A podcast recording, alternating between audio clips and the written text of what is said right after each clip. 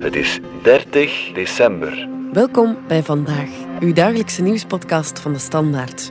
Nog één keer brengen we u een wat andere vandaag en grasduinen we in het beste van wat DS Weekblad de voorbije maanden te bieden had.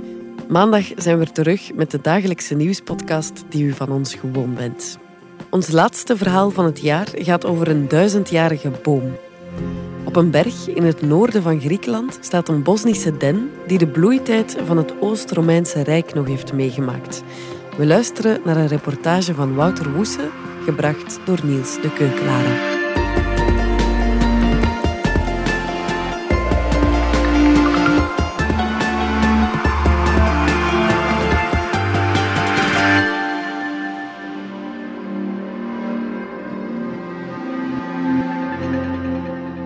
Op een berg in het noorden van Griekenland staat een boom die de bloeitijd van het Oost-Romeinse Rijk heeft meegemaakt. Voor zover bekend is hij de oudste boom van Europa. Traagheid en stilstand, het geheim van een uitzonderlijk succesvol leven. De oudste boom van Europa, een den van meer dan 1081 jaar oud, staat op een berg in het noordwesten van Griekenland, op een paar uur wandelen van het herdersdorp Samarina. Zijn stam, met een doorsnee van 2 meter, is gedraaid alsof hij in zijn duizendjarige bestaan traag om zijn as is gevrongen. Zijn wortels liggen als vervlochten wurgslangen om zijn voet. Een deel van zijn kruin is afgestorven. Naar gelang de stemming van de waarnemer lijken zijn dode omhoogstekende takken begroeid met slierte grijsgroen mos op een extravagante kroon of op ontvleesde klauwen die in de lucht grijpen. Een stel kuifmezen fourageert schichtig door de lage takken. Over de stam lopen mieren langs vaste routes op en neer. Een deel van de schors is verdwenen, waardoor een strook grijs, verweerd hout zichtbaar is. Het onschorste hout voelt zachter aan dan het eruit ziet. Uit kleine gaten en scheuren loopt zoetgeurend hars, met een traagheid die goed past bij een duizendjarig wezen. De berg waarop de boom staat heet Smolikas en is met zijn 2637 meter de op één na hoogste van Griekenland. Hij ligt zo dicht bij de Albanese grens dat je telefoon er soms per ongeluk op een Albanees netwerk zit. De oostelijke flank waarop de boom staat, op zo'n 2000 meter hoogte, is niet heel steil, behalve waar ze door riviertjes is ingesleten. Aan de zuidkant gaapt een diepe ravijn met een wijds uitzicht over bergen en dalen. Op een middag in augustus is het op de berg zo stil dat je de vleugelslag hoort van Apollo-vlinders, die laag boven de grond per twee langs bloeiende distels patrouilleren. Uit een boomtop klinkt de zang van een kruisbek, die met een gekruiste snavel denappels verknipt om bij de pitten te komen. Onzichtbaar op de bergtop roept een raaf. De duizendjarige Bosnische den staat omringd door soortgenoten, telkens op een respectabele afstand van tientallen meters, levende en dode door elkaar. Andere boomsoorten staan er niet. De grond rond de boom ligt bezaaid met grote stenen, waarop een argeloze wandelaar gemakkelijk een enkel verzwikt. De aarde heeft de kleur van rode oker. Waar de rotsen gebroken zijn of waar wind en regen het rode stof eraf hebben gewassen, zijn ze donkergroen. Het glooiende decor, met veel open ruimte en hier en daar een monumentale boom, lijkt in een eerste oogopslag geen onherbergzame wildernis, maar een landschapspark dat gemaakt is op de schaal van formidabele wezens die soms met bomen gooien. Op een paar tientallen meters van de duizendjarige den ligt een geveld exemplaar, waarvan de getorste stam nog altijd de beweging uitbeeldt waarmee hij ooit door erosie of een storm is neergekwakt omdat het zware, van hars doortrokken naaldhout op deze hoogte nauwelijks vergaat, kan dat eeuwen of zelfs duizenden jaren geleden zijn. Onderaan de rotswand aan de zuidflank staat een gevallen boom ondersteboven op wat ooit zijn kruin was.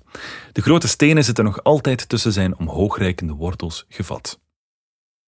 De eerste moderne wetenschapper die de duizendjarige boom op de Smolikas onderzocht, is de Amerikaanse dendrochronoloog Paul Krusick. Dendrochronologie is de wetenschappelijke discipline om de leeftijd van bomen te bepalen. De basismethode is zo eenvoudig dat ze op de lagere school al wordt geleerd: jaarringen tellen. In gematigde streken met vier seizoenen groeien bomen elk jaar eerst snel, dan trager, dan een tijd niet. In een dwarsdoorsnede van een boomstam is die afwisseling tussen groei en stilstand zichtbaar als concentrische cirkels. Tel de cirkels en je weet precies hoe oud een boom is. Weinig wetenschappelijke methodes zijn tegelijk zo exact en zo eenvoudig. Bosnische dennen mogen dan opvallen, ze staan ook vaak op moeilijk bereikbare plaatsen. Opdat wetenschappers niet telkens een boom moeten omzagen om te bepalen hoe oud hij is, zijn holle boren ontwikkeld waarmee je een lange, dunne cilinder hout uit een stam kunt halen. Als je die boor precies op de kern van de stam mikt, kun je met een geoefend oog net zo nauwkeurig de jaringen tellen en bestuderen als wanneer je de boom had omgezaagd. De jaringen zijn een uniek middel om het klimaat uit het verleden te onderzoeken. Een geoefend paleoclimatoloog kan uit de dikte van de jaringen afleiden hoe droog of koud het eeuwen geleden was op een plek waar een boom heeft gegroeid. De oudste boom van Europa is niet toevallig een Bosnische den die op een berg net onder de boomgrens staat. Bosnische dennen zijn trage groeiers, wat vaak samenhangt met een potentieel lange levensduur. De barre omstandigheden waarin ze groeien spelen een schijnbare paradoxale rol. Voor een bovengemiddeld resistente soort, zoals de Bosnische den, is het interessant te leven op een plek waar concurrenten en natuurlijke vijanden moeilijk stand houden. Krusik had al ervaring met oude bomen in de Balkan toen hij een foto te zien kreeg van de bomen op de oostflank van de Smolikas. Hij zag meteen het potentieel. Tussen die dikke, verwrongen stammen met halfdode kruinen moesten wel een paar van de oudste bomen van Europa staan. De eerste keer dat Kroenik op de Smolikas was, in 2013, had hij een korte boor mee, waarmee hij niet tot de kern van de oudste boom kon komen. Pas in 2016, tijdens een expeditie met een langere boor en met de Belgische dendrochronoloog en paleoclimatoloog Valérie Trouet van de Universiteit van Arizona, kon een boorkern met 1075 jaarringen uit de boom gehaald worden. Nooit eerder had een dendrochronoloog in Europa zoveel jaringen uit een levende boom gehaald. Omdat ook de langere boor in 2016 de kern van de stam net niet heeft bereikt, moet de boom nog minstens een paar jaar ouder zijn. Enkel in de Verenigde Staten, waar boomsoorten voorkomen die nog veel ouder worden dan Bosnische dennen, zijn stammen onderzocht met meer jaringen, zoals een mammoetboom van meer dan 3000 en een bristleconiden van meer dan 5000 jaar oud. De duizendjarige den op de Smolikas werd door wetenschappers Adonis genoemd. In de Griekse mythologie is Adonis een uitzonderlijk mooie jongeman die geboren werd uit een boom en opgevoed door twee godinnen, Persephone en Aphrodite, van wie de laatste een liefdesrelatie met hem begon. Hij stierf in een jachtpartij, maar zou sindsdien elke lente door zijn goddelijke minnares tot leven gewekt worden. De mythe over een jaarlijkse wedergeboorte van de jongeman Adonis past goed bij het bergklimaat waar de boom Adonis leeft. Op de Smolikas sneeuwt het van oktober tot mei. Het groeiseizoen is kort, de vegetatie is dat tegen het einde van de zomer ook, want op de Smolikas grazen duizenden schapen, verdeeld over grote kudden. De enige begroeiing die halfweg de zomer nog tussen de stenen omhoog steekt, zijn distels en hier en daar een jonge Bosnische den die meer op een lage struik lijkt dan op een zeiling. Naalden en stekels helpen planten in leven te blijven op plaatsen waar gegraast wordt. Dat er nog jonge boompjes staan, geeft hoop voor de toekomst. Op veel plaatsen in Europa staan bomen waaraan nog veel hogere leeftijden toegeschreven worden dan de bijna 1100 jaar van Adonis. In het zuiden van Europa gaat het vaak om historische olijfbomen, elders in Europa om eiken of taxussen. Vaak zijn het erfgoedbomen met een belangrijke culturele waarde, waarover al generaties mythes en legendes worden verteld. Geen van die leeftijdsclaims wordt ondersteund door dendrochronologisch onderzoek. De status van Adonis als oudste boom van Europa wordt ook met wetenschappelijke argumenten betwist.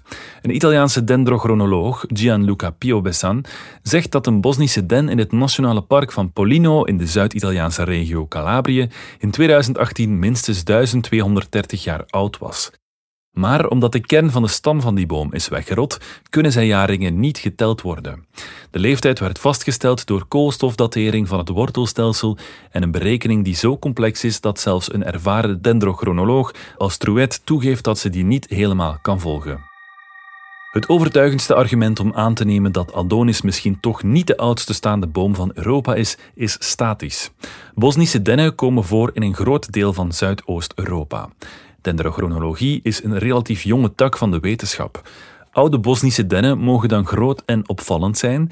Ze staan ook vaak op moeilijk bereikbare plaatsen. De kans is niet onbestaand dat ergens op een berg in de Balkan een boom staat die ouder is dan de vastgestelde 1081 jaar van Adonis of de geschatte 1234 jaar van de boom Piovessan, maar die nog nooit door een dendrochronoloog is onderzocht. Als je naar het wortelstelsel kijkt, staat de oudste boom van Europa wellicht niet in Griekenland of Italië, maar in het hoge noorden. Bomen kunnen bovengronds vergaan en toch opnieuw aan hun wortelstelsel ontspruiten. Wortelstelsels kunnen vele malen ouder worden dan bomen met stammen en takken. Ze kunnen ook lange periodes slapend doorbrengen. Bovengronds is er dan soms eeuwenlang niks te zien. Op een berg in het noorden van Zweden, vlak bij de Noorse grens, staat een fijnspar die Oude Chico is genoemd, naar de hond van zijn ontdekker en waarvan het wortelstelsel met koolstofdatering begin jaren 2000 bijna 10.000 jaar oud werd geschat. De laatste ijstijd was nog maar net afgelopen toen hij wortels schoot. Toen Adonis een jonge boom was, in de laatste eeuw van het eerste millennium van de westerse jaartelling, was het in een groot deel van Europa warm in vergelijking met eerdere en latere eeuwen. Zo warm dat in de lage landen aan de Noordzee wijnbouw mogelijk was. Het Oost-Romeinse Rijk, waar de boom stond, floreerde en zou nog eeuwen bestaan, tot de hoofdstad Constantinopel in 1453 door de Turken werd veroverd. Als boom van middelbare leeftijd heeft Adonis daarmee het hele bestaan meegemaakt van het Ottomaanse Rijk, ook al een imperium dat voor de eeuwigheid gemaakt leek, maar begin 20e eeuw uit elkaar viel. Hoe een boom erin slaagt om in een door mensen gedomineerd landschap duizend jaar te blijven staan, zou het voorwerp van een interessante studie kunnen zijn. Adonis' moeilijke bereikbaarheid lijkt op het eerste gezicht een troef. Het is een stevige wandeling van de bewoonde wereld naar de boom op de flank van de Smolikas. Het vergt een erg gemotiveerde houthakker om een boomstam over rotsen en kloven naar het dorp te slepen, zelfs als je hem op de berg al in handzame stukken zou hakken of zagen. Bovendien lijkt de getorste stam van Adonis niet gemakkelijk te verwerken tot bruikbaar timmershout. Mensen uit de streek moeten het voorbije millennium altijd wel aantrekkelijke stammen gevonden hebben, dichter bij hun woonplek. Maar duizend jaar is lang en de mens is een uitzonderlijk ondernemende soort. De voorbije eeuwen hebben mensen wel afgelegener plekken ontpost. Op de berg Visilica, meteen ten oosten van de Smolikas, ligt een bescheiden skigebied. Als de oostflank van de Smolikas daar een paar decennia geleden geschikter voor was bevonden, had Adonis er misschien al niet meer gestaan. De regio waar Adonis staat, het Pinsongebergte in de streek Zagori, geldt als een van de ruigste plekken van Griekenland, waar beren, wolven en jakhalzen voorkomen. Maar de plek waar Adonis staat op een paar uur lopen van een eeuwenoud dorp is niet ongerept en is dat tijdens Adonis' leven ook nooit geweest. Op deze berg grazen al duizenden jaren schapen. Toen Adonis een klein boompje was, waren de flanken van de Smolikas wellicht minder bebost dan vandaag. Het eerste deel van de wandeling van Samarina naar Adonis loopt door een jong aangeplant dennenbos zonder dikke oude bomen. Samarina, met 1450 meter de hoogste nederzetting van Griekenland, is een levendig dorp. In de zomer zijn de straten gevuld met spelende kinderen, brutale straathonden en oma's die de honden wegjagen door te doen alsof ze stenen gooien. Voor wie een tijd op de Smolikas heeft doorgebracht, is het even wennen aan de vele indrukken die het dorp biedt. Er is een haan die kraait bij zonsopgang. Een van de dorpshonden huilt telkens ritmisch mee wanneer de dorpsklok het uur aangeeft. Er is een centraal plein met een ijssalon en oude mannen op een grote ronde zitbank. Uit restaurants klinkt Griekse muziek, niet van de beschaafde soort die in de jaren 60 doorbrak in het Westen, maar ongefilterde Balkanmuziek met eeuwendurende dissonante klarinetsolo's. Het ruikt er de hele dag naar houtvuur en s'avonds naar geroosterd schapenvlees. Eens in de zoveel tijd rijdt door de smalle steile straatjes een handelaar met een pick-up truck vol plastic tuintafels en stoelen, die via een luidspreker worden aangeprezen. Op de weg van en naar het dorp lopen halfwilde paarden en runderen. Langs een van de wegen ligt een smeulende Bosnische den die dagen eerder door de bliksem getroffen werd. Samarina was de voorbije duizend jaar geen uithoek, maar een centrum van nijverheid en handel met de rest van de Balkan. Oude stenen gebouwen en spectaculaire stenen bruggen in de bergdorpen van Zagori getuigen nog van een welvarend verleden. Wollen stoffen uit Samarina werden tot in de 19e eeuw per caravan tot in Wenen gebracht. Maar de 20e eeuw bracht oorlog, verval en stilstand. In de ruwe bergstreek werd achtereenvolgens gevochten door Grieken en Ottomanen, Grieken en Albanese en Grieken en Grieken. De handelsroute naar het westen viel volledig stil toen de Volksrepubliek Albanië zich in de tweede helft van de 20e eeuw als een achterdochtige dictatuur hermetisch afsloot van de rest van Europa. Tijdens die periode, waarin de mensheid elders sterker dan ooit ingreep in de natuur, leek de menselijke activiteit rond de Smolikas stil te vallen. Dat heeft het voorbestaan van Adonis geen kwaad gedaan. Dit was een bijzondere aflevering van vandaag. Bedankt voor het luisteren. Volg ons op Spotify, Apple Podcasts of eender welk ander podcastplatform. In onze gratis app DS Podcast kan je niet alleen ons werk beluisteren, maar ook de beste podcasttips voor op vakantie of ergens onderweg, met zorg geselecteerd door onze redacteur Max de Moor. Alle credits van de podcast die je net hoorde vind je op standaard.be-podcast.